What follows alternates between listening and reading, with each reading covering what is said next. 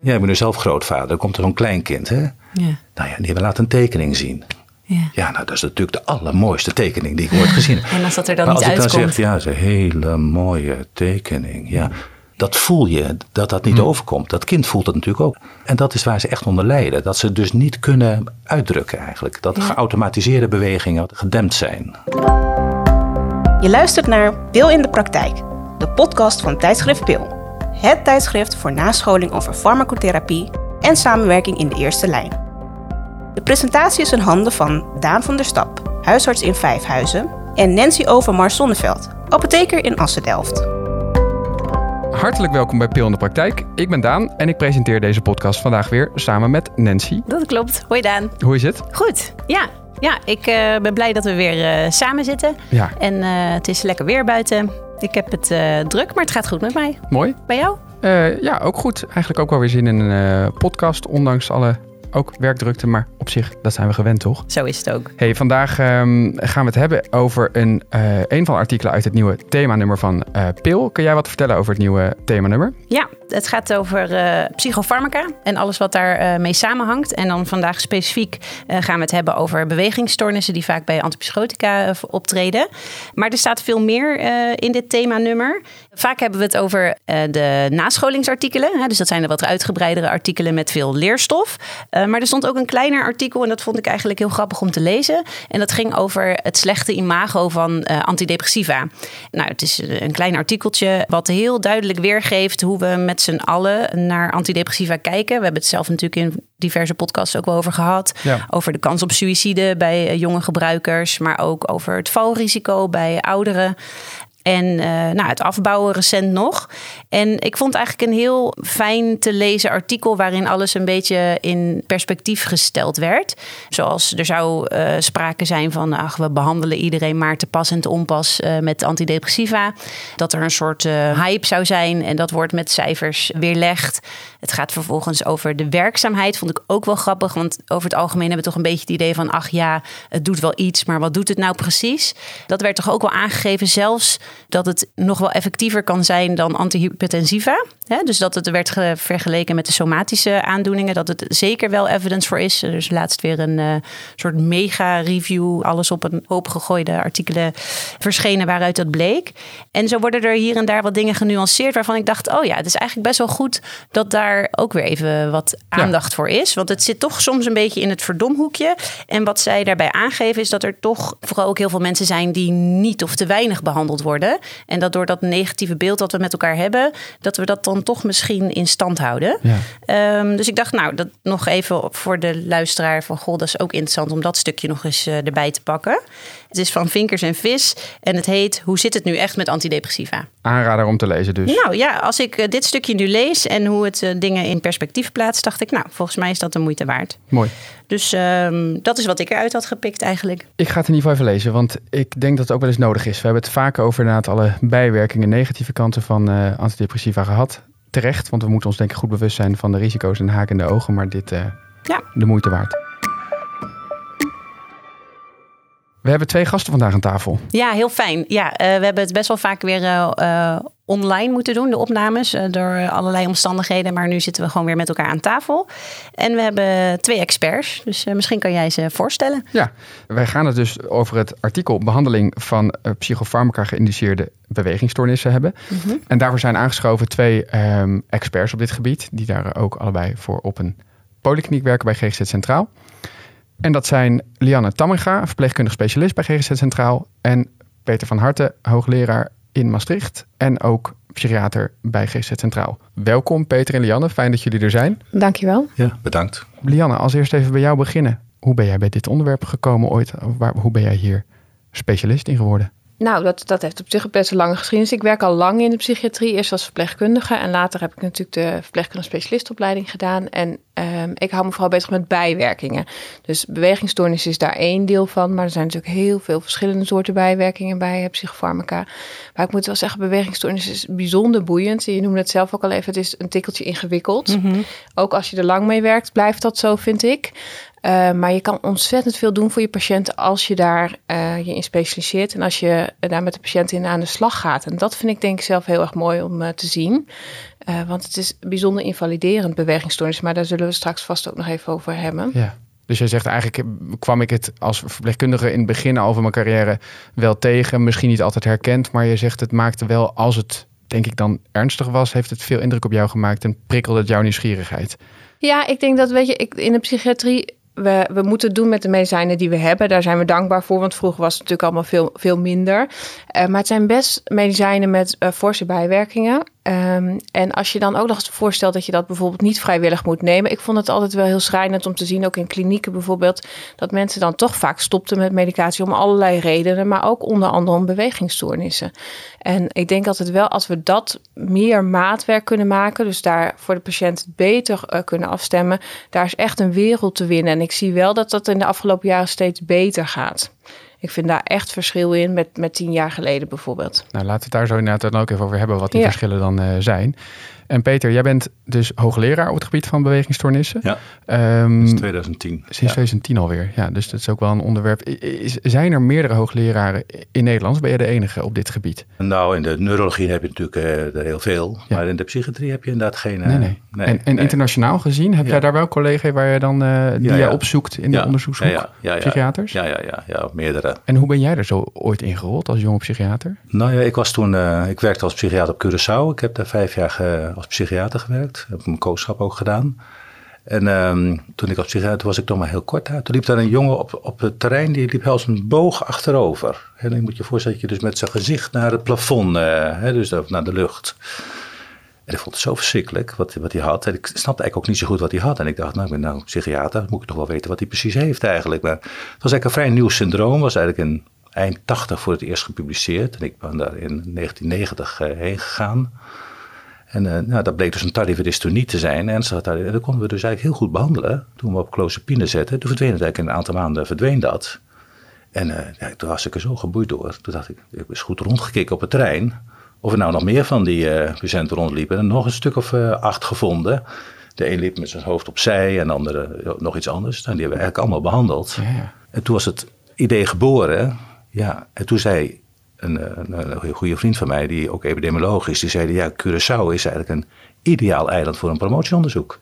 Ja. Want je hebt een afgesloten gebied, je hebt één psychiatrisch ziekenhuis. Ja. Alle patiënten uh, met psychiatrische patiënten zitten in dat ziekenhuis, hè, er, is, er is niks anders. En die patiënten willen ook nog allemaal graag meedoen ook met zo'n onderzoek. Dus ze vinden het hartstikke leuk. Ja. Ze moesten dan een beetje heen en weer lopen en de handen bewegen, en zodat je het kon meten. Plus, en dat had ik mij helemaal niet zo gerealiseerd ze kunnen ook niet van het eiland af. En het is nooit zo groot. Nee. Dus, dus wat je in Nederland dus hebt, dat mensen, ah. patiënten zoek zijn als ze hun depot niet zijn komen ophalen en weer decomposeren. dat heb je daar Zoek natuurlijk je dan. ze gewoon op het strand. Ja, ja. ja nou ja, follow-up. We hebben dus 18 jaar follow-up gedaan. Oh. Ja, ja. dat is echt een unieke studie. Nou. Er zijn er nu uh, vijf, vijf promoties zijn eruit gekomen. Ja. Dus, uh, ja, ja. En nu werken jullie samen met, bij GGZ Centraal. Ja. Er staat ook natuurlijk wel iets in het artikel over genoemd, maar ook voor de mensen die het met artikel misschien de luisteraars die het niet hebben gelezen. Ja. Hoe, hoe, is, hoe ziet jullie polykliniek eruit? Hoe werken jullie daar samen? Ja, dat is wel verschillend, denk ik. Hè? Je hebt het, misschien Ja. een beetje, kun jij het... Nou ja, kijk, ik werk binnen een polybijwerking. Dus wij houden ons ook bezig met alle andere soorten bijwerkingen van de psychofarmaca. En dat doen we dan vooral in Flevoland. En Peter zit natuurlijk meer in Amersfoort. Hè. Ja. Ehm, maar er is altijd wel een samenwerking geweest in de zin van dat wij ook natuurlijk... Wij lopen ook natuurlijk nog wel eens vast met de bewegingsstoornis. Of dat we niet, niet goed weten hoe we verder moeten. Dan gaan, verwijzen wij ook weer door naar Peter. En die kijkt dan met ons mee. Hè. Dus er is altijd binnen GGZ Centraal is altijd sowieso heel veel aandacht geweest voor bijwerking. Maar in het bijzonder voor bewegingsstoornissen. Oké. Ehm, dus er is altijd, ondanks dat het een grote instelling is, altijd veel samenwerkingsverbanden ook geweest. Ja, ja. Ja. Maar dat, dat moeten we ons dus ook voorstellen van de. ehm, eigenlijk, want het wordt in het artikel eh, jouw poly, de second opinion poly genoemd, hè, die bewegingsstoornissen. Ja. Jullie kunnen dus bijvoorbeeld in Flevoland een patiënt hebben op de bijwerkingen polio. En dan sturen jullie misschien dan, of jullie overleggen telefonisch, of sturen echt wel eens naar Peter door. Ja. eh, voor echt een soort second opinion, omdat het zo ingewikkeld is. En gelukkig word je natuurlijk in de loop van de tijd zelfs er ook steeds handiger en beter in, weet je wel. Dus dat komt wel dan minder voor, maar we hebben altijd wel, er is altijd samenwerking geweest. Hè. En ik denk dat er in Nederland sowieso veel meer behoefte is aan dit soort polies. En nu zijn er twee binnen GGZ Centraal, maar het zou eigenlijk mooi zijn als daar meer landelijke dekking in was. Ook Ja, in dat mensen. vroeg ik me nog af. Want Ja. jullie, hè, jullie weten elkaar natuurlijk goed te vinden. Maar geldt dat ook vanuit andere hoeken van het land? Ja, Is ja, dat ziet- doorverwijzen dan wel ook eenvoudig te doen? Of, of Nou ja, gebeurt dat in de praktijk minder? Ik heb een landelijke poli, hè? dus mensen uit heel Nederland komen Oh ja. naar me toe. Ja. Ja. En uh, dat zijn ook wel neurologen die verwijzen. Dat is eigenlijk sinds de laatste jaren is dat ook zo. Maar meestal zijn het psychiaters of huisartsen die uh, verwijzen. En dat is natuurlijk vaak complex. Er zijn, mensen zijn natuurlijk al vaak al bij anderen geweest. En dat doe ik ja, eigenlijk sinds ik terug ben in Nederland. Vanaf 95 was ik weer terug in Nederland. Toen was ik met, met promotie bezig. ben ik eigenlijk een beetje mee begonnen. En dat, ja, dat groeide natuurlijk uit. Ik gaf heel veel workshops in Nederland. Dus langzamerhand je merkte als je een workshop gegeven had, dan kwamen uit die regio ook alweer meer verwijzingen. Ja, ja. dat vroegen wij ons nog af uh, of jullie uh, bijvoorbeeld ook uh, nascholingen geven. Ja, ik heb heel veel nascholingen. Ja, dat kan ik me voorstellen. Als je zoveel weet van een onderwerp wat zo ja, eigenlijk veel voorkomend is. Hè? Als ik zie wat de aantallen ook zijn van de bijwerkingen, dan, dan wil je die kennis gewoon delen. Het is gewoon zonde dat mensen met heel basale kennis misschien niet al ja. Uh, verder kunnen. Ja, zit er iets in de, in de, sorry Lianne, maar zit er iets in de opleiding, weet u dat, voor, voor AIOS psychiatrie ja. in dit onder, over dit onderwerp? Ja, ja, ja, zeker. Ja, ja. Ik, heb film, ik heb daar hele stukken van geschreven en uh, filmpjes voor aangeleverd en zo. Oh, ja, ja, ja. Ik kan me voorstellen dat die filmpjes verhelderend zijn. Want ik, wat ik zei, het is best ingewikkeld, maar ook misschien als apotheker uh, die medische terminologie over het algemeen, weet je, de belangrijkste dingen weet ik wel. Maar dan denk ik, oké, okay, dyskinesie, dystonie. Dan probeer ik denk ook, wel, wat is ook weer wat en wat moet ik me waarbij voorstellen. Dus het beeld kan me voorstellen dat het heel krachtig is of heel noodzakelijk zelfs om, Dit, goed, uh, om dit goed over te brengen. Maar het leuke aan beweegstoornis is dat je het kunt zien. Ja. Ja. Ja. nou ja, dat is een heel groot verschil met ons vak. Maar wij vragen natuurlijk veel dingen. Heb je last van stemmen? Of uh, wat voor gedachten gaan er in je hoofd? Dan ben je afhankelijk van wat iemand je zegt. Maar bij kun je echt zien. En zijn eigenlijk heel moeilijk te beschrijven. Ja. want een vloeiende, continue beweging, onwillekeurig. Ja, dat kan van alles zijn. Maar daar bedoelen we een bepaald iets mee. Ja. En een tremor, hè, beschrijf maar eens een tremor in woorden. Als je het ziet, denk je, oh ja, dat is een tremor. Maar leggen jullie dan bijvoorbeeld in jullie dossier ook filmpjes vast? Film je een patiënt om vervolgens de, de, het verschil tussen voor en na te kijken? Of als een patiënt dat wil. Hè. Kijk, er is ook nog wel. Voor patiënten is het best een moeilijk onderwerp om zich ook te laten filmen. Hè. Ik, bedoel, ik ben altijd blij als mensen dat wel willen, want we gebruiken het dan ook in scholing. Want ik ben het helemaal met je eens. Niets is zo krachtig als beeldmateriaal soms. Hè. Want je kan iets vertellen, maar als je dan vervolgens ziet hoe het eruit ziet. Mm -hmm. ik merk heel vaak in scholing dat mensen dan zeggen: Oh, oh ik herken mijn oh, eigen patiënt erin oh, of zo. Hè. Dus dat ze, oh, dat is het dus, weet je wel. Dus het is maar niet alle patiënten vinden het prettig om zich te laten filmen. Nee. Uh, maar als het kan, doen we het wel. Je krijgt bijna wekelijks wel consulten ook van mensen die, ja, die dan niet kunnen komen of zo. Of die zitten bijvoorbeeld in het verpleeghuis, dan sturen ze een filmpje op. Ja. En tegenwoordig heb je zo'n app waar dat heel makkelijk in is. Dat heel veilig uh, verstuurd kan worden. Ja. Dus dan... Uh, Silo, Silo, denk ik. Ja, ja. Silo, ja. ja. Dat uh, biedt, goed. biedt uitkomst. Ja. Voor de luisteraar die nu denkt... Um, ik heb het artikel helemaal niet gelezen. Um, we hebben dus over bewegingsstoornissen door antipsychotica. Mm Dat we mogen duidelijk zijn. Ik wou toch heel even kort aanstippen wat nou de. Eh, want ik vind dat jullie dat zo mooi beschrijven in jullie artikel. Wat nou de uh, theorie is achter die bijwerking. Want het gaat uiteindelijk dus over antipsychotica die een hele smalle therapeutische breedte hebben. Uh, wat jullie schrijven heel mooi op, ik lees het gewoon even voor. Dat de meeste antipsychotica uh, niet veel in effectiviteit verschillen. En allemaal blokkeren ze in meerdere of mindere mate de dopamine-receptoren in de hersenen. Maar um, om dat antipsychotische effect van de medicatie uh, te krijgen, moet je van die dopamine-receptoren een blokkade krijgen van 60 tot 65 procent. En als je daar maar een klein beetje boven zit, vanaf 72 procent ontstaan er, schrijven jullie dan, seksuele bijwerkingen. En vanaf 80 procent blokkade um, ontstaan er dan dus acute bewegingsstoornissen, met name dan Parkinsonisme. En ik vond dat zo mooi tekenen, dat je denkt, oh ja, dus ik wil, ik ga medicijn geven en het moet per se een blokkade geven van een bepaalde receptor, dopamine receptor, tussen 60 en 65. En vanaf 72, ik vond het ook zo knap dat we dat dan zo ja, precies dat weten. Bijzonder, ja. eh, ontstaan er dus al eh, vervelende bijwerkingen, die echt de kwaliteit van leven, die seksuele bijwerkingen natuurlijk negatief kunnen beïnvloeden. Ik vond het heel tekend. Ik wist deze getallen natuurlijk ook helemaal niet. En, en hoe weten we dit zo precies? Weten jullie dat? Die, die, is dat gewoon goed, makkelijk te onderzoeken? Nou, er zijn niet zo heel veel patiënten, maar die 80% is natuurlijk. Eigenlijk komt dat ook uit de neurologie. Hè? Want uh, de vraag is hoeveel procent van je dopamineproductie moet je kwijtraken voor je de eerste motorische verschijnselen krijgt van de ziekte van Parkinson. Ja. En dat is 80 procent. Ja, dus dat kennis uit een, vooral van de Parkinson-neurologen. Ja, ja, en daarvoor heb je ook wel verschijnselen. Dan word je al rigide in je denken en, en dan word je al wat somber en allerlei andere voorverschijnselen. Maar voor je die motorische verschijnselen krijgt. En voor de hersenen maakt het natuurlijk niks uit of je in de aanvoer van de dopamine nee. 80% verliest. Of dat je 80% blokkeert aan de andere kant. Ja. Bij de postsynaptisch als het ware, Ja. een beetje ingewikkeld te zeggen. Alleen het ene is reversibel, kun je natuurlijk weer eraf halen en, eh, en dan eh, doet het het gewoon weer. De andere kant is natuurlijk eh, een Blijvend. afsterven. Ja. Ja. Ja. Afsterven van de, en ook progressief. Ja. Herken jij, Lianne, dat, dat wat Peter net zegt, dat, dat die seksuele bijwerking, want jij doet natuurlijk ook bijwerkingen poli. Eh, eh, heb jij het daar vaker over op de poli? Ja, daar hebben we het heel veel over. Ja? Ja, en ik moet zeggen, kijk, de getallen die liggen wat uiteen. Hè. De- bij ons, nou, we hebben het ook wel eens onderzocht, ongeveer 20% van de mensen die wij zien eh, melden ook seksuele bijwerkingen. Wat natuurlijk best enorme impact op het leven heeft. Hè. Dus dan hebben we natuurlijk niet alleen over antipsychotica, maar ook antidepressiva staan daar natuurlijk erg onbekend. Ehm, maar vaak zie je dus ook wel die dingen samengaan. Hè. Dus als mensen bewegingsstoornissen hebben, dat ze ook natuurlijk seksuele bijwerkingen rapporteren. Ehm, waar we, ehm, ik vind het bijzonder, want patiënten vinden het nog steeds moeilijk om daarover te hebben. Wij denken altijd, de patiënt komt daar wel mee. Dat is echt niet het, mijn ervaring in Nee, ieder geval. Wij moeten erover beginnen. Wij moeten erover beginnen. En dan eh, beginnen ze er vaak ook nog wel een beetje over dat ze het wat vervelend vinden om het allemaal te vertellen. En dan uiteindelijk is er toch vaak wel opluchting dat er ook duidelijkheid komt over waar komt dat vandaan. Hè? Want mensen vragen zich natuurlijk zelf ook af, is dat nou van mijn medicatie of ligt het aan mij? Of eh, hou ik niet meer van mijn partner? Of al allerlei eh, variaties komen voorbij. Eh, dus ik vind dat dat is een ander groot aspect van mijn werk. Maar dat daar kan je ook ontzettend veel in betekenen als je daar wat aan doet natuurlijk. Want je zou dus denken dat het eigenlijk allemaal met dosefinding te maken heeft. Maar dat is niet helemaal het verhaal. Want jullie schrijven toch ook wel dat je soms switcht naar een ander eh, middel. Ja, hoe, hoe gaat dat? Dat lijkt me dus ontzettend ingewikkeld. Dat is ook wat ik zei. Het is zo'n eh, best wel een pittig onderwerp. Ehm, want als je er zo een beetje schuin doorheen leest, dan denk je, oh nou ja, we geven gewoon altijd clozapine. Want dat lijkt uiteindelijk in ieder geval op dit eh, specifieke stuk eh, de beste papieren te hebben. Ja. Ehm, maar dat is dan vast niet het geval, toch? Nou ja, het, ja, clozapine is een fantastisch middel. Daar kan ik niet omheen. Het is ook qua effectiviteit komt het er bijzonder goed uit. Alleen het is heel erg beperkend in andere bijwerkingen. hè. Dus het is het meest metabole belastende antipsychotica wat wij kennen. Ja. Het heeft behoorlijk wat eh, controles, ook in het begin. Hè. Dus als je start met clozapine moet je de eerste 18 weken elke week lab prikken.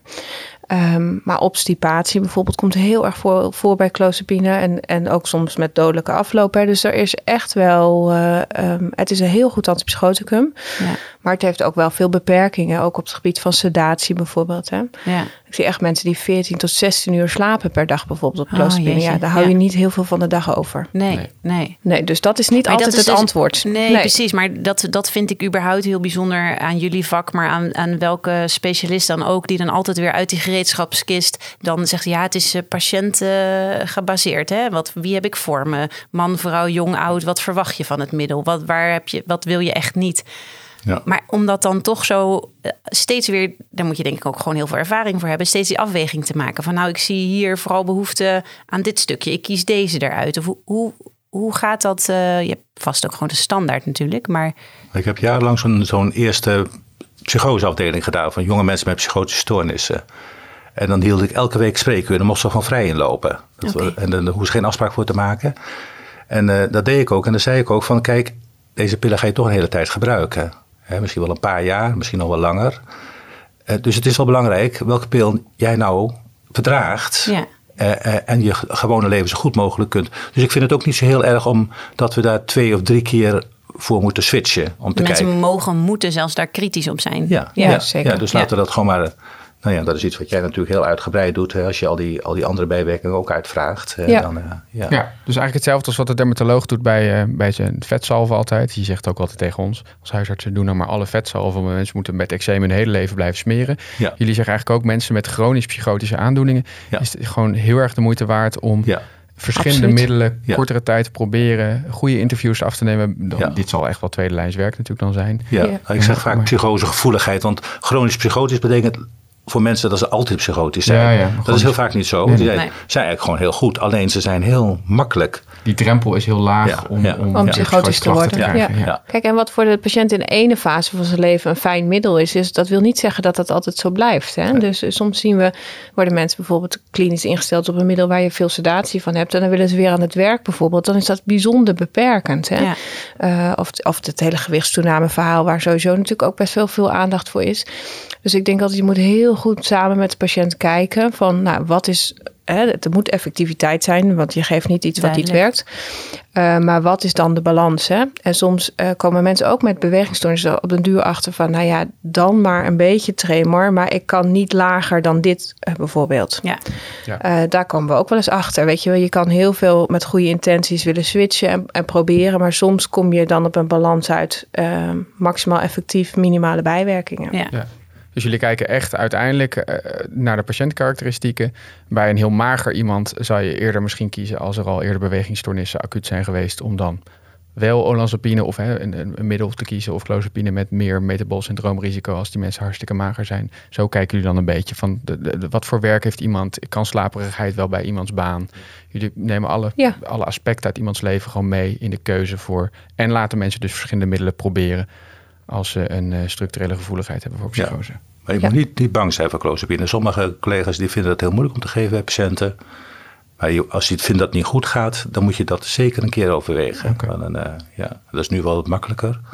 Maar, uh, ja. Wat bedoel je makkelijker? Omdat uh, laagdrempeliger nou, omdat, Ja, omdat het toch wel meer, uh, nou, dat eigenlijk veel meer gebruikt wordt ook. In, okay. Maar dat is in Nederland Wat meer hoor. bekendheid ja, mee. Ja. ja. Ik was net op een congres in Praag en was een neuroloog die zei dat ze in Amerika steeds minder gingen voorschrijven. Okay. Omdat ze gezoet werden voor het feit dat ze dan uh, ja, bijwerkingen dat, dat zouden optreden. Ja, ja, ja, hopen dat we die kant niet op gaan. Nee. Oké, okay, ik denk dat we zo meteen um, even willen gaan kijken van goh, nou, dit is gebeurt allemaal bij jullie in de tweede lijn. Uh, maar goed, wij zitten hier natuurlijk ook als uh, pil in de praktijk. Dus dan is het voor ons als, als huisarts en apotheker altijd wel interessant van goh, wat verwachten jullie van ons? Of wat zouden wij beter kunnen doen waardoor het, nou ja, bij jullie in de tweede lijn beter loopt? dus daar gaan we het zo meteen heel graag nog even over hebben.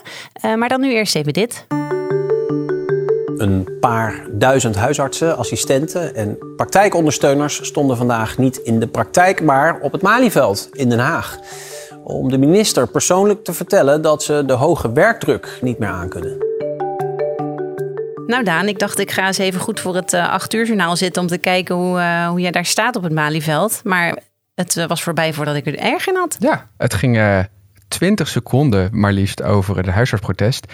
En daarna ging het vier minuten over dat mensen in Australië hun kat aan een riempje moeten uitlaten. Nou ja, ik bedoel, dan zie je toch waar de prioriteiten nieuws. liggen. Dus nou ja, het is natuurlijk een beetje gek scheren. Nee. Maar dat werd natuurlijk bij onze, op onze nou ja, actiegroep, uh, Facebook, uh, WhatsApp, waar ik allemaal in zit met huisartsen, natuurlijk veel gedeeld over de kat in Australië. kregen vier minuten. Ja. En we werden er een beetje verdrietig van. Nou, snap um, ik. Ja, het was een hele leuke, goede bijeenkomst. Uh, inspirerend ook om alle neuzen dezelfde kant op te krijgen. Er zijn Mhm. natuurlijk bijna 12.000 huisartsen in Nederland. Maar hoe Uh, was het daar? Hoe was de sfeer? ja, ja, goed. Totdat er werd geroepen, oh minister Kuipers komt toch niet. Uh, want Ja. de ministerraad loopt uit. Nou ja, toen ik er stonden echt huilende huisartsen naast me. Ja. Mensen zijn Heftig. zo de wanhoop nabij. Er zijn zoveel mensen die echt, het is gewoon echt twee over twaalf. Mhm. Niet twee voor twaalf. Er zijn heel veel huisartsen, dat, dat weet de minister ook, die stoppen met hun Ja. vak. Omdat ze gewoon zeggen, het is niet leuk meer. We hebben zo'n mooi vak, maar zo'n stomme baan. En eh, ik denk ook dat iedereen gewoon net iets anders had verwacht van deze minister. Hè? Omdat hij echt uit de, uit de zorg komt Ja. of zo. Dat je dan iets meer Precies. feeling dus ik denk dat dat de, de, de, de, de teleurstelling toen eh, was. En natuurlijk zijn er nog een paar honderd huisartsen toen eh, vechtend met de politie naar het binnenhof getrokken. Op een zo- tractor. Ja, echt. eh, nee, ja, dus Nee. dat was jammer. Maar Mm. wat ik wel mooi vond, vind nu, eh, de, de, de weken, maanden na dit, deze actieweek die wij hebben gehad, met dan Mhm. vrijdag op het Malieveld, is dat het voor ons nu, dat zeggen we ook nu tegen elkaar als huisarts, het voelt als eh, eh, startschot. En het was geen eindsta eh, eindstation van, oh ja, we gaan daar protesteren en het haalt niks uit en we gaan gewoon weer door op de oude voet. Nee. Dus er, gaan ontzettend, er gaat ontzettend veel rond de laatste weken aan initiatieven. Zoals? Eh, nou, er is bijvoorbeeld een, een website nu opgezet, eh, Mhm. eh, verwijsafspraken.nl zeg ik uit mijn hoofd. Ehm, waar we dus ook proberen de, de, de tweede en derde lijn naartoe te verwijzen. Vooral de polyassistenten. Want we, nou, dus een van onze voorbeelden van de frustratie is dat er heel veel afspraken gewoon op bestaan. Wat Kuipers op zich dan wel weer terecht zegt. Heel veel dingen moeten wij zelf gewoon beter tussen eerste en tweede lijn ook afspreken.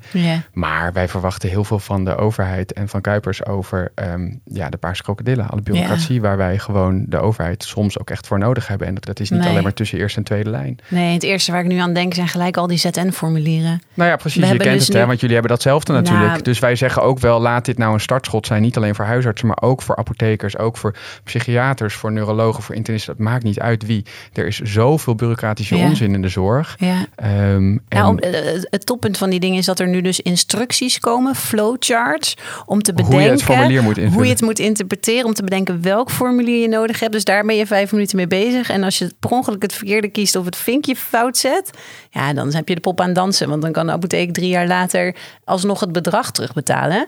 Eh, en dat is dan echt geen onwil vanuit de huisarts geweest, maar gewoon chaos. Gewoon elke maand komt er eh, weer een aanvullende vergoedingsregel op iets wat we net bedacht hadden. Ja, hoe, hoe gek wil je het hebben? hè? En dat is maar één van de vele dingen waarvan ik me kan voorstellen dat jullie denken dat moet echt anders. Ja, wat ik wel leuk vond, eh, Marcel Levy schreef een tijd geleden een artikel na onze protestweek. En die, die kan natuurlijk altijd wel goed schrijven. Dat je denkt, oh ja, hij heeft een punt. Dat Mhm. kan hij, dat kan Ja. gewoon goed.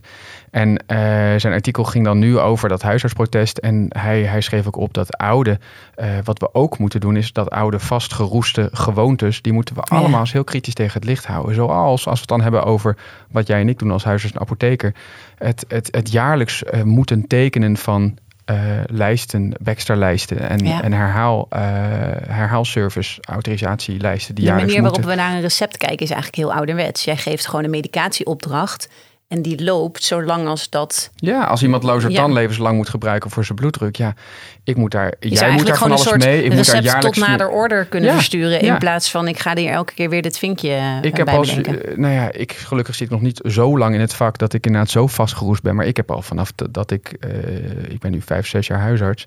Ik dacht in het begin van mijn huisartsopleiding al, toen ik me ging specialiseren, van mijn hemel. Als AIOS dacht ik, waar- waarom moet dit? Wat, wat is er voor onzin? En op een gegeven moment leg je daar dan langzaam toch bij neer. Want ja, Ja, dan zie je het op- niet dan eens zegt de meer. opleider, ja, dat, ja, dat, ja, dat moet zo. Dat is de regel. En da- dat moet de apotheek van ons hebben. Eh, dus ik denk dat wij elkaar, die flow moeten we vasthouden. Ook om je FTO-groep met de huisartsen en de apotheker te bespreken van... laten we nou gewoon een heel FTO eens wijden aan... Hobbels en nou ja, alle ja. oude vastgoedgewoontes, vastgeroeste gewoontes tegen het licht houden... en zeggen van, moet dit nou echt? Of denken wij met z'n allen dat dit Ja. moet? En als het wel moet, eh, hoe gaan wij regelen namens de FTO... dat wij eh, die minister gaan mailen... want die wil van ons graag input met concrete voorbeelden dat wij eh, ehm, de, onze beroepsverenigingen gaan allemaal gaan spammen met eh, ehm, je moet hier achteraan, want we zijn, Ja. de maat is vol, we zijn het zat.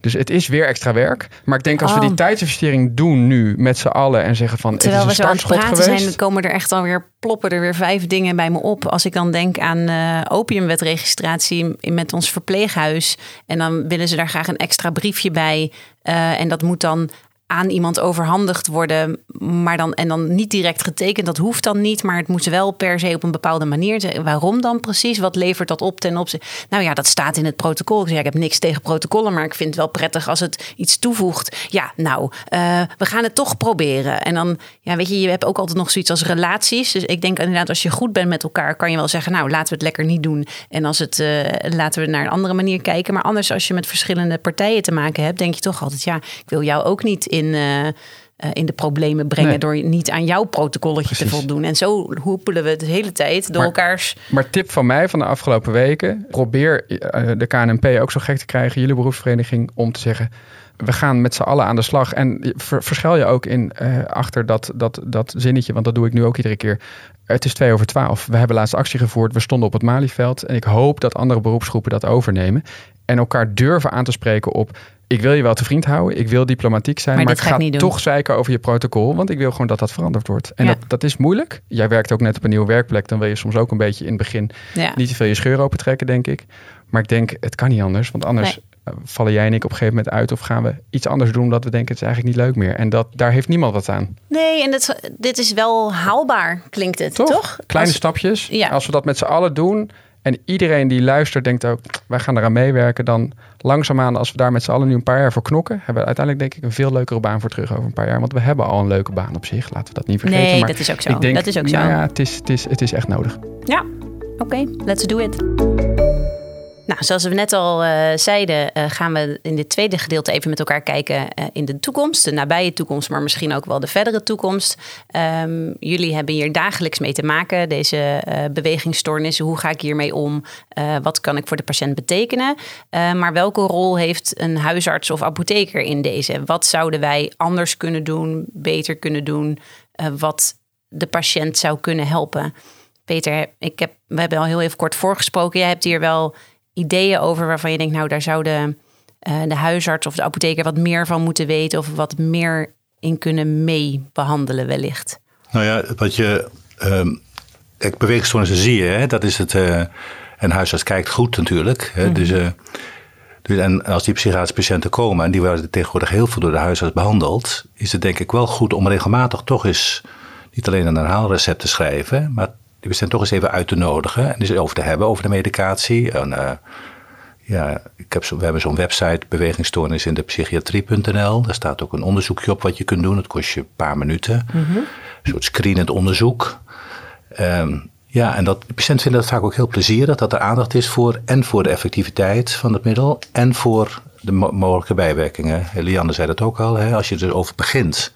En dan, ik vraag ook wel eens aan patiënten, waarom ben je er nou niet eerder over begonnen? Dat bestaat nu al zoveel jaar. Ja, zeggen ze, ja, ik heb twee keer bij een dokter gezegd. En de dokter zei, ja, er is niks aan te doen. Ja, en, ik, en die pillen wil ik blijven houden. Dus toen dacht ik, ja, dan moet ik er maar mee leven. Terwijl ja. er vaak veel aan te doen is. Maar misschien voelt de huisarts dan op dat moment wel zo van... ik weet op dat moment niet wat ik er aan kan doen. Of is er van overtuigd ja. dat er dus inderdaad... dit hoort nou eenmaal bij dit middel, ja. dus... Ja. ja, dus jouw website, uh, die website, dit artikel natuurlijk ook al... het nascholingsartikel en de nascholing die, die jullie verder dan hierover geven. Maar die website, ik heb hem ook bekeken. Filmpjes, wat Nancy zei. Uh, als je die filmpjes even ziet, denk je... oh ja, da, daar, dat moet ik zien. Ja. Um, is denk ik zeer de moeite waard om uh, ja, die nou, bijvoorbeeld een, een, een, tremor. Er zijn er ook heel veel somatische middelen die tremoren geven. Hè? Die puffjes bijvoorbeeld geven mm -hmm. ook tremoren. Maar je hebt heel veel andere ook. Dat is iets wat je eigenlijk heel makkelijk kunt zien. Je laat de handen, je laat de handen even strekken. En je vraagt er ook nou, hoeveel last heb je er nou van? Hè? En dan zie je bij mensen, ik geloof dat iets van drie tot 5 procent van de mensen boven de 55 heeft essentiële tremor. Hè? Dat, is, dat is een beetje een idiopathische vorm. Als je daar een beetje medicatie overheen geeft, die ook tremor geeft... Ja dan schudden ze enorm en hebben ze enorm veel last van. Ja. Ze schamen zich daar vaak heel erg voor, vermijden ook dingen daardoor. En want als je bijvoorbeeld een hoofdtremor hebt en de hele tijd zo zit uh, trillen met je hoofd, ja, dan ga je niet in een restaurant zitten. Maar wat zou dan je advies zijn van, goh, als huisarts uh, verdiep je daarin, kijk wat de mogelijkheden zijn of verwijs wat sneller? Ja, dat is een beetje wat je leuk vindt. Als je het zelf het leuk vindt om het te behandelen, dan zou ik het zeker zelf doen. Maar als je denkt, nou, ik heb een contact met een, een bijwerkingenpolie, dan zou ik het daarheen sturen, ja. En, en hoe, uh, want op zich is het denk ik laagdrempelig, maar vast ook wel met wachttijden? Of hoe is dat? Uh... Nou ja, wij hebben eigenlijk altijd wel voor gestreefd, zeg maar, dat we lage wachttijden hebben. Wij zitten volgens mij op twee, drie weken voordat we iemand kunnen zien. Nou, dat is heel tegenwoordig mooi. heel netjes, ja. zeker voor de GGZ. En dat komt ook wel, denk ik, dat heel veel van die, oh, zeker acute bewegingsstoornissen, wil je natuurlijk ook niet heel ja. lang mee wachten. Nee. Dus er is sowieso laagdrempelig contact altijd. Hè? Dus je kan altijd bellen. Of uh, wij hebben ook altijd met onze huisarts afgesproken van, we gewoon een telefoonnummer, bel gewoon als je gewoon een advies wil. Um, en wij zien tegenwoordig ook mensen vanuit, vanuit uh, alle windstreken, zullen we zeggen. En dat is ook belangrijk, denk ik. Hè? Dus je, ik denk dat het fijn is als een huisarts er iets zelf meer over weet. Hè? Dus dat hij zich erin verdiept. De herkenning in ieder geval al. Ja, ja, weet je wel. En dat dan niet automatisch inderdaad de reactie is van... nou, dat hoort erbij. Uh, daar, daar moet je mee leren leven eigenlijk. Hè? Want het is dan de boodschap die de patiënt krijgt. Maar dat je gewoon zegt, nou, we, we zouden dus kunnen kijken... wat kunnen we hier nou aan doen? En ik ga daar advies over inwinnen. En ik, nou, ben je bereid om je door te laten verwijzen? Dan zijn mensen dat vaak echt wel. En dan komen ze bij ons of bij, bij Peter en dan krijg je gewoon een goed advies terug. En dan kan de huisarts ook weer mee verder. Ja. Uh, dus daar is denk ik echt. Het is natuurlijk ook zo breed wat je beschrijft. Het is of een tremor of een, een hele acute uh, dyskinesie waar dan, waarvan je denkt, ja, je moet nu à la minuut wat mee. Dan zou de huisarts ook zijn. Uh... Dan moet je even bellen. Dan moet je ja. even bellen, ja. ja. ja. dat moet je zelf behandelen. Dan moet je niet uh, helemaal de verwijsroute gaan. Nee, precies. Maar dan zou je dus, of de huisarts hoeft niet te twijfelen om er een uh, pipirideen in te. Hm. Jetsen? Nee. Of gaat nee. hij daar toch even over bellen? Of is dat, ik, dat vanuit nou ja, dat, als apotheker heb ik daar helemaal geen beeld dat, bij. Nou ja, dat is natuurlijk het mooie aan mijn vak weer. Ik, ik mag als huisarts altijd inschatten, als ik daar voor mijn ja. gevoel bekwaam in ben, dan mag ik de akineton uit de kast pakken, de piperidine ja. en, en, ja. en een uh, injectie geven. En dat is natuurlijk als ik, ja, waar ik me bekwaam in voel, mag ik doen. Of waar ik me in wil bekwamen, kan ik leren. Dus ja. Dus Ja. dat is denk ik inderdaad eh, voor jou goed om te weten als apotheker zo. Ik vaak dat de ene dat huisarts dat denkt, dat doe ik helemaal of, niet. En de andere Ja. huisarts doet dat dan wel. Want ik zie natuurlijk wel de middelen voorbij komen in, in de apotheek. Maar dan, als ik dit dan nu weer lees en ook die plaatjes of filmpjes, denk ik, oh ja. Ja, weet Ja. je, het, is, het gaat Ja. dan, het is voor jullie hele dagelijkse kost. En Ja. eh, voor ons een soort niche dingetje. Terwijl Ja. voor degene die het betreft natuurlijk enorm van belang. Dus het, ja. Ja. Ja, nou, je moet bedenken, zeker die acute bewegingsstoornissen, is, ik- die moet de huisarts natuurlijk zelf behandelen. Maar goed, met Akhenaton kan je ook niet zoveel verkeerd doen. Hè? Dus dat werkt natuurlijk snel en het werkt ook snel weer uit, weet je wel. Dus ik denk altijd met die acute bewegingsstoornissen, los van dat je natuurlijk het middel wil verlagen, en behandel het vooral of bel. Hè? Maar daar moet je niet mee verwachten, wa- eh, wachten Ja. om te verwijzen. Wat wij meest natuurlijk ook zien op de poli zijn die tardieve bewegingsstoornissen. Hè? Dus die al later ontstaan, die ook wat moeilijker te behandelen zijn. Eh, maar ik zou vooral denken, overleg en, en zoek je informatie. Er zijn ook inderdaad veel nascholing, ook voor huisartsen op dit gebied. Hè. Eh, dus, dus doe dat vooral en kijk er filmpjes over en ehm, eh, verdiep je erin. Ja. Ja. En dan de acute lijkt me wat iets makkelijker voor mij in de spreekkamer om te her- her- herkennen misschien Ja. nog. Maar zoals die Ook omdat je alerter bent omdat iemand recent met antipsychotica is Ja. gestart. Ja. Dan is er vaak nog een behandelend psychiater natuurlijk die dat recent gestart is. Want zo vaak start ik dat nou zelf ook weer niet. Mhm. Maar het kan. Ik schrijf natuurlijk wel eens... eh, Ja, met de ehm, wachttijden in de eh, GGZ. Ketiapine voor, voor, om beter te slapen. En eh, ik bedoel, het is lage dosis, maar... ehm, Hm, dan zie je niet zo heel veel tremor, denk Nee, ik. dat zal dan meevallen. Ja. Als ik jullie eh, artikel lees ook over Ja. doseringen. Ja. Heel praktisch nog. Ik vroeg me dat ook wel af voor, voor jou, eh, Nancy. Voor als Mhm. je recepten van huisartsen zou krijgen. Jullie schrijven in het artikel ook wel veel over de anticholinergica die je kan eh, toepassen. Ja. Waar nou, die, die biperidine natuurlijk een voorbeeld van is, die intramusculair kan injecteren. Waarvan heel veel huisartsen zullen denken: oh, moet ik dat dan in de la hebben liggen? Want dat wil je natuurlijk wel eh, bij een acute dystonie dan wel meteen aan iemand kunnen geven. Ja. Ehm daar kan natuurlijk ook misschien wel één of twee uurtjes overheen gaan. Maar nou ja, goed. Eh, hoe denk jij daarover, Lianne? Wat is praktisch voor ons? eh, Nou, je in moet de je wel, wel bedenken dat acute dystonie is, is van alle acute bewegingsstoornissen degene die we het minste zien. Hè? Ik geloof dat de cijfers 2 tot 3 procent zijn. Hè? Van Ja. dus het is zeldzaam. Dus ik weet niet of je het nou in de la moet hebben liggen. Want dan is het misschien alweer over datum voordat je het ooit gaat gebruiken. Dat is in de praktijk dus ook inderdaad hoe het gaat. Er staat in de NAG Ja. eh, hand- handleiding dat je het eigenlijk moet hebben. Want stel dat. Ja. En bijna alle huisartsen zeggen het zit in mijn ampullenetui. Elke AIOS heeft er bijna zijn ampullenetui. Want die gaat heel netjes dat lijstje af van een, Nederlands Ja. huisartsgenootschap. En dan denk je na een paar jaar, ja ik heb dat spul nooit gebruikt. Moet het elk jaar bestellen. Dus bijna geen huisarts heeft dat liggen. Nee. Nee. Kijk, en je kan natuurlijk ook gewoon, ik zou denken, nou, als het kan, is tabletten ook heel mooi om, om eh, te geven. Hè? Gewoon tabletten. Maar goed, dat moet iemand dan wel kunnen slikken. Maar anders handel gewoon snel. Hè? Ik bedoel, volgens mij zit hier de apotheek om de hoek. Ja. Ja, ja dan haal je eh, wel injecties op en dan geef je dat door je assistenten. En dan eh, blijf alsjeblieft bij een patiënt. Hè? Want dat vind ik ook altijd wel. Hè? Mensen vinden het vaak heel beangstigend, hè? die acute dystonie. Want er gebeurt van alles met je lijf wat je natuurlijk zelf niet onder controle hebt. Dus je hoort vaak soms 40 jaar later nog wel van patiënten dat ze zeggen... Dat Nou, ze ik heb zich dat nog weten. dat ze dat nog weten. En dat middel is dan ook voor de rest van de carrière afgeschreven. Dus ik denk altijd wel, eh, stel patiënten gerust. Hè, dat het reversibel is, dat het weggaat. Dat je bij iemand blijft. Want het is een heel beangstigend beeld. Ja. Maar of je het nou standaard in je tas moet hebben, ik, ik weet dat niet Nou zo. ja, pillen werken minder goed bij die acute Ja. dystonie. Je Ja. kunt veel beter spuiten. Maar goed, ook voor die pillen moet je naar de apotheek. Dus dan kan je daar ook een spuit halen. Ja. Want de apotheek heeft Ja. het wel liggen meestal. Ja. Het gaat natuurlijk ook wel vanzelf over acute dystonie. Hè? Als je de dosering verlaagt. Als je niks doet, gaat het ook weg. Oh ja. Ja, ja. Is gewoon een, een nieuwe balans zoeken in het lichaam. Ja, ja. Ja. Een bijzondere anekdote. Toen ik een workshop gaf, toen eh, stond er ook een, eh, een AIOS in de. en Toen vertelde ik dat bijvoorbeeld een van de bijwerkingen is dat je dan toch gaat praten. Hè? Dus die tong zit dan helemaal vast, Ja. de dystoon. En, toen zei, en ik zei dat Primperan, hè, dat kennen jullie natuurlijk wel, antipraakmiddel, dat is een antipsychoticum eigenlijk. Is een dopamineblokker, Ja. dat wordt heel vaak niet eh, gerealiseerd. Die kan dat ook geven. En toen zei ze dat, dat op mijn huwelijk, zei ze, heb ik Primperan gehad. En ik zat s'avonds aan tafel en bij het diner. En ineens begon ik zo te praten. En toen zeiden mijn vriendinnen, ach meid, je bent zo nerveus, dat gaat vanzelf over. En het ging ook vanzelf over, zei ze. En nu begrijp ik wat ik gehad heb. Ja. Ja, Oh, wat goed. ik vond het wel een heel bijzonder verhaal dat Ja. ze zelf arts was. Hè, dus, en, en, en, al die die- vriendinnen ook. Hè, Ja. De- de- de- Ja. Niemand gereden. Iedereen Nee. had het gepsychologiseerd eigenlijk. Ja. Ja. Ja. Mooi. Heel praktisch nog een vraag over die anticholinergica. Eh, hebben jullie nou voor, die, voor ons in de eerste lijn, want daar zouden we het inderdaad nu ook nog over hebben, over ook wat gaan wij doen in de toekomst. Eh, want voor de luisteraar die dit ook boeit als apotheker daar kunnen wij best zelf mee aan de slag, sommige dingen. Zijn er nou praktische handvaten voor de anticholinergica, behalve dan de acute dystonie, dat jullie zeggen, ehm, mensen die toch van meerdere middelen chronisch uh, vaker in de psychiatrie hebben gelopen, maar nu niet meer. Dus er is geen behandelaar. Um, zeg je gewoon, het is zo ingewikkeld, bel ons of bel iemand die hier verstand van heeft binnen de psychiatrie.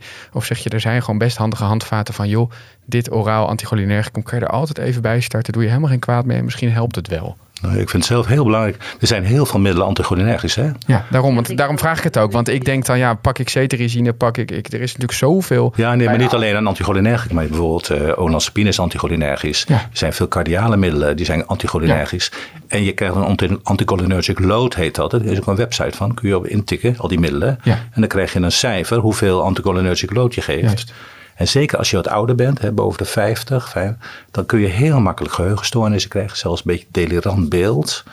Hè. Dus daar, ik Als bijwerking weer van anticholinergica. Ja, van die stapeling eigenlijk. Hè? Dus dat is een heel. heel uh, dus ik zou als huisarts vooral kijken, wat heeft hij allemaal nog meer? Vaak hebben ze het al in gebruik, juist. Ja, ja. maar dan zit het verstopt in andere middelen hè, als, als uh, bijwerking. Ja. En dan bij dat Parkinsonisme schrijf je dan ook, dan kan dat ook weer maskeren, toch? Als iemand dus anticholinergica gebruikt naast bepaalde antipsychotica, kan het dus... Ja, nou ja, dat bestrijdt het wel een beetje, hoewel het wel beperkt is. Eigenlijk is is lager doseren of een andere antipsychotica vaak een veel betere keuze. Ja. ja. Ja, vaak veel beter. Ja. En ik ben nog een heel klein beetje benieuwd naar die tremor. Wat moet de huisarts met de tremor doen? Nou, vooral zien, denk ik. Ja. Daar een dus oog voor hebben en dan uitvragen hoeveel last heeft u ervan. Kunt u nog soep eten? Vermijdt u nog wel dingen? Uh, soep is hartstikke lastig als je trilt. En, uh, en ja, gaat u ook wel, vermijdt u wel bijvoorbeeld een restaurant. En, uh, en als je denkt, nou, dat is toch eigenlijk best wel veel wat ze nu vertelt allemaal. Maar dan dus actie op te ondernemen en dat kan dus doorverwijs zijn. Ja. Ja.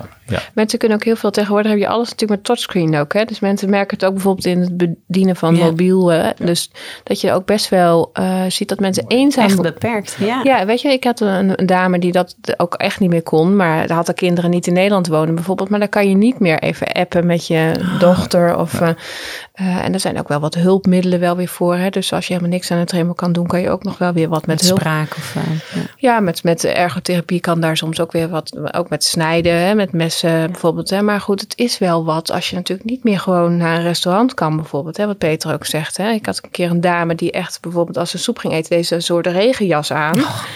Om uh, vervolgens uh, soep te kunnen eten. Ja. En op de duur werd ze gevoerd door haar partner. Nou, ik kan me dat wel voorstellen als je nog heel, nou ja, ja. welke leeftijd dat ook is. Dat is je, en als dan inderdaad zo is dat er niks aan te doen is, nou oké, dan is dat zo. Maar als dat dus niet per se zo is, niet alle mogelijkheden zijn bekeken, ja, dat is natuurlijk wel verdrietig. Dat is heel vaak wat dat doen. Ja, dat is bijna altijd wel, ja. Ik vind het in ieder geval verbetering van het beeld. Soms gaat niet alles meer helemaal weg. Nee. Maar ik vind dat er de gedachte, zeg maar, dat nou, dit moeten we accepteren. dat erbij. is echt, is echt achterhaald. Okay. Ja. Bijvoorbeeld bij Parkinsonisme hè, wordt heel vaak gekeken. Nou, je wordt, bent wat trager en uh, misschien een beetje rigide of een beetje trillen. Maar daar klagen de patiënten vaak helemaal niet zo over. want, maar ze klagen over dat ze zo monotoon beginnen te praten, dat er zo weinig. Hey, moet je voor, ik, ben nu zelf, ja, ik ben nu zelf grootvader. Dan komt er zo'n kleinkind. Hè? Ja. Nou ja, die laat een tekening zien.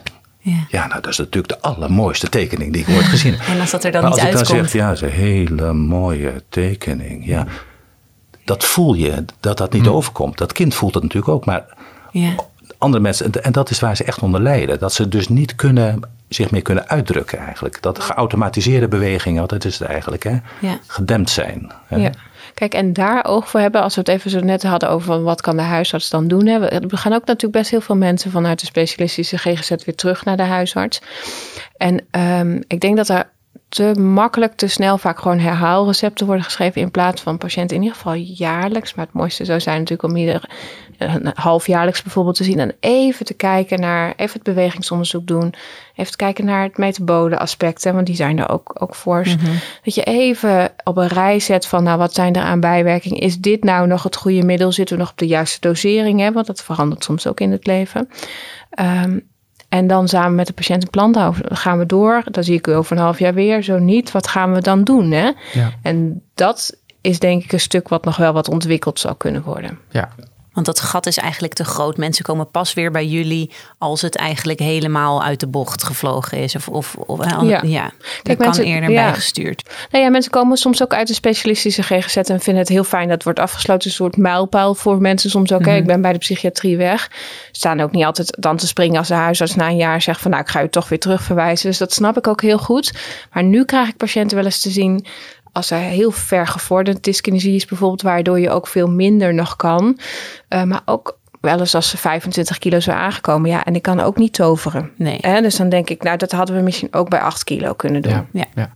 Maar eigenlijk kunnen we dan dus ook wel een beetje in, in aansluiting op dat uh, waar Nancy en ik het net even over hadden, over de, de werkdruk, kunnen we ook wel zeggen dat dit nog steeds een erfenis is van de bezuinigingen van meer dan tien jaar geleden uit GGZ. Hè? Want er is toen gezegd, jullie moesten heel erg inkrimpen en uh, allemaal kleiner en alles naar de eerste lijn. Ja. Waardoor wij nu overlopen. En eigenlijk, ik, ik hoor dit en ik denk, oh ja, dat ga ik doen. Maar eigenlijk denk ik ook, ja, wanneer dan? Want ik heb al, ik heb al tijdgebrek.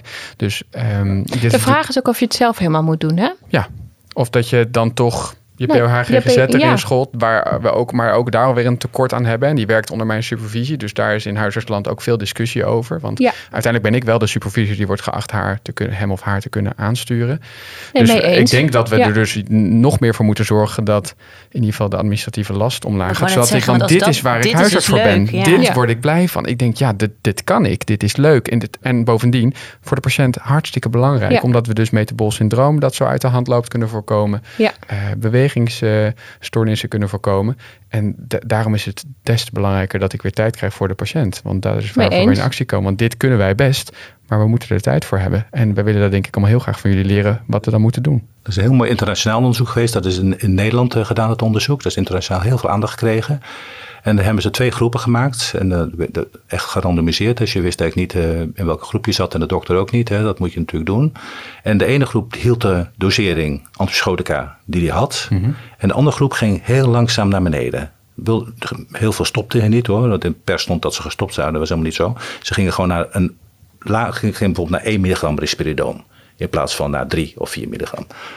En wat zie je dan in die beide groepen? En dat was zo interessant. Dan zie je in de groep die naar beneden gaat, zie je iets meer terugval. Zie je iets vaker dat ze iets vaker psychotisch worden.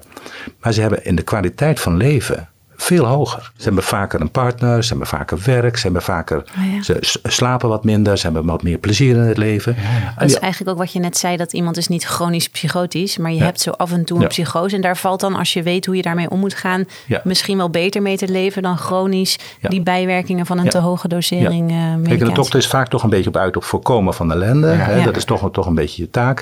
En dat zeg je de patiënt, als het naar beneden gaat, meer kans op terugval. Dat is ook zo.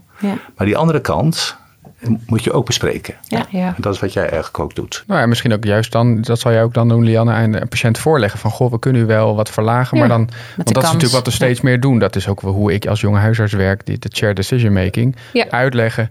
Deze optie hebben we, maar dan heb je een wat grotere kans op terugval. Ja. Uh, maar ook de optie van vaak een betere kwaliteit van leven. Uh, ja. waar, waar, kies je zelf voor? Het kan ook voorstellen dat patiënten zo getraumatiseerd zijn door ernstige psychose in het verleden, dat ze toch kiezen voor veiligheid. Veiligheid, ik wil dan maar de hoge dosering blijven. Ja, of dat er zo'n gevaarlijke situatie is geweest. Dat is ook en, en belangrijk. Hè? Als er bijvoorbeeld iemand heel agressief is geweest, en iemand anders bijna van het leven beroofd heeft, ja, dan is de gevaarscriteria en de voorgeschiedenis maken ook wel. Uh, ja, dan, dan zou ik veel sneller die kant kiezen van moeten voorkomen. Ja. Nou ja, het is gewoon geen status quo. Dat is het, denk ik. Hè? Je moet gewoon weer met de patiënt daar naar kijken. En als je wel gaat afbouwen, dan maak dan een goed plan. Hè? Zonder dat je, want dat is de andere kant. Hè? Als je zelf als behandelaar al heel erg uitstraalt. Nou, dit gaat heel gevaarlijk worden wat we nu gaan doen. Ja. Nou, dan wordt het risico ook wat groter. Hè? Dus uh, je moet ook wel vertrouwen in. Hè? We gaan dit langzaam doen. Hè? De kunst zit ook wel in langzaam afbouwen. We willen ook wel eens veel te snel, denk ik. Ja. Met een steunsysteem eromheen, met een goed plan. Wat gaan we doen als het misgaat? En dan proberen het toch langzaam te verlagen. Ja.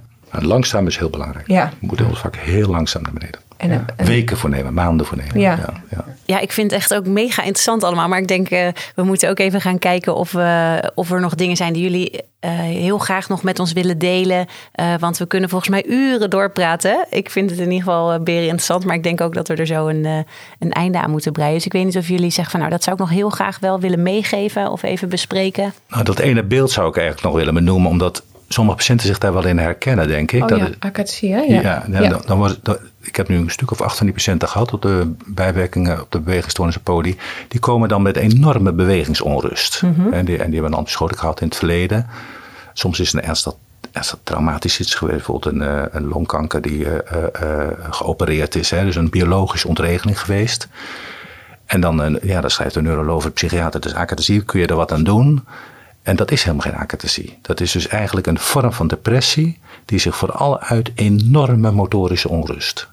En dus de hele dag voelen die patiënten zich gejaagd, opgejaagd, wanhopig van binnen. Dit hou ik niet vol, zeggen ze ook. Ik hou dit niet vol. En uh, uh, ik, uh, ik, denk er steeds aan om een einde aan te maken. Dit is niet leefbaar voor me. Bestaat dit als diagnose in de DSM bijvoorbeeld? Ja, dat heet een geagiteerde depressie. Ja. En kenmerkend is dat die patiënten vaak zich helemaal niet zo depressief voelen. Okay. Als je dat, ja, ze zeggen, hier word ik depressief van, van, de, van die onrust. En het is ontzettend goed te behandelen. Ja, ja. Dus dat, maar dan dus niet uh, met uh, de nee, middelen die jullie nee, in het nee, pakket nee, hebben. Nee, ja. nee, nee, nee, Je hebt een andere behandeling nodig. Maar dat is ook vaak niet zo goed bekend. Er wordt, er wordt dan gedacht, ja, een beetje, een beetje valium geven. Misschien dat ze wat rustiger worden.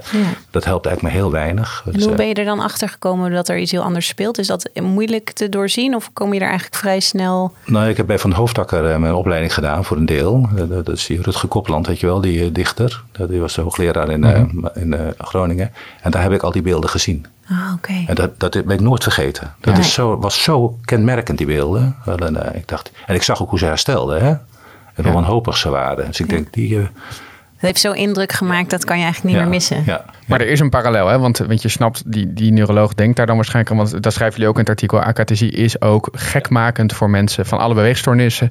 Worden die mensen eigenlijk het meest gek van de bijwerkingen. Tot zelfs suicidaliteit aan toe, hè? ja, Ja. ja. absoluut. Alleen er is dus een verschil met de agitatie en onrust. Die zit veel meer in het hele lijf eigenlijk. En, en, en in het hoofd. En die actie zit heel erg in de benen vaak. Kan ook wel in het lijf zitten, maar zit in ieder geval ook in de benen. En, uh, en deze mensen, die, die stralen wat anders uit. Ja, ja, ja. Nou, bijzonder. Fijn dat je dat ook nog even met ons eh, wilde delen. Eh, Lianne, heb jij het idee dat we nog iets vergeten zijn? Of dat er iets uit het artikel is waarvan je zegt, daar wil ik nog even de nadruk op leggen? Nee, ik denk dat ik vooral wil benadrukken is eh, zoekoverleg. Hè, er, er staat ook een artikel, staat onze eh, mailadres ook aan het eind genoemd. Hè, van, weet je wel, als er twijfel is, overleg alsjeblieft. Ook al denk je, ik, het is een domme vraag. Of ik heb het vast niet goed gezien. Maar eh, doe het alsjeblieft wel. Want ik vind dat belangrijker dan dat patiënten soms echt heel erg lang met deze bewegingsstoornis door blijven lopen. Ja, Ja, dus inderdaad voor degene die jullie willen mailen. Want ik kan me voorstellen dat een luisterende huisarts denkt... oh, ik weet meteen een patiënt door dit verhaal... eh, die ik, eh, waar ik eens wil overleggen wat ik daar nou mee moet. Ehm, er kan gemaild worden voor de polybewegingsstoornissen bij Peter... eh, naar aanmelden amersfoort.gzcentraal.nl. En als je contact op wil nemen met Lianne, ehm, die op de polybijwerkingen zit... dan kan dat naar polykliniekbijwerkingen.gzcentraal.nl. nou dan rest ons niks anders dan jullie enorm te bedanken voor jullie eh, enthousiaste bijdrage. Het was echt, eh, ik vond het echt heel fijn om jullie hier aan tafel te hebben. Ja, Eh, dank. dus dank voor jullie komst. Graag gedaan. Ja, Nancy, leuk onderwerp. Eh, goed om met onze gasten live weer aan tafel een keer te zitten. Eh, inspireert mij altijd enorm om te denken Ik morgenochtend. zag het. Ik zag je op puntje van je stoel Eh, zitten. ja, je hebt er zin in. Ja, Ja. absoluut. Dan denk ik, morgenochtend ga ik hier eens mee aan de slag en motiveert Dan mij hoop je dat er iemand dus binnenkomt met een- met acute dystonie. ik kan niet wachten. Nee, flauw. Maar ik, ik denk dat het... ehm, ja, ik vind het echt leuk dat ik denk, hier kan ik als huisarts dus echt wat mee. En ik denk jij aan de zijlijn ook wel als jij weer... Ik vond het gewoon recepten- beren interessant. En of ik nou per se iemand aan de balie eruit ga pikken, dat denk ik haast niet. Mocht het, ik weet niet. Ik vond het gewoon een ontzettend leuk, eh, ja, Mooi. heel mooi onderwerp. Ja, goed te horen. Ja. En eh, nee, het motiveert mij dus ook weer om ehm, nog extra hard te knokken voor minder, minder regeldruk en formuleren. Precies. Want dan kan ik me Om op dit soort leuke dingen... maken. Ja. kan ik me daarop gaan richten. Ik kan, eh, kan niet wachten. Ehm, ik hoop ook dat jullie als luisteraars er weer wat van opgestoken hebben vandaag. En nou, dat jullie ook geboeid hebben kunnen luisteren. En misschien ook wel inspiratie ja, eruit halen voor de werkdag morgen. precies. En heb je inspiratie opgedaan of wil je iets eh, eh, met ons delen? Wil je reageren op deze aflevering of jouw ervaringen uit de praktijk delen? Dan mag dat altijd via podcast.pil-nascholing.nl. En wil je meer informatie over het tijdschrift Pil, waar dus dit artikel in is verschenen, en nog andere artikelen zijn met nascholingspunten, eh, dan kun je terecht op www.pil-nascholing.nl. Dan zit hij er weer op. Ja, mooi. Op naar de Dankjewel. volgende. Helemaal ja, goed. bedankt. Doeg! Doei. Je luisterde naar Pil in de Praktijk, de podcast van tijdschrift Pil. Het tijdschrift voor nascholing over farmacotherapie en samenwerking in de eerste lijn. Pil verschijnt vier keer per jaar in de vorm van een papieren tijdschrift en geaccrediteerde e-learnings. Ga voor meer informatie en abonnementen naar www.pil-nascholing.nl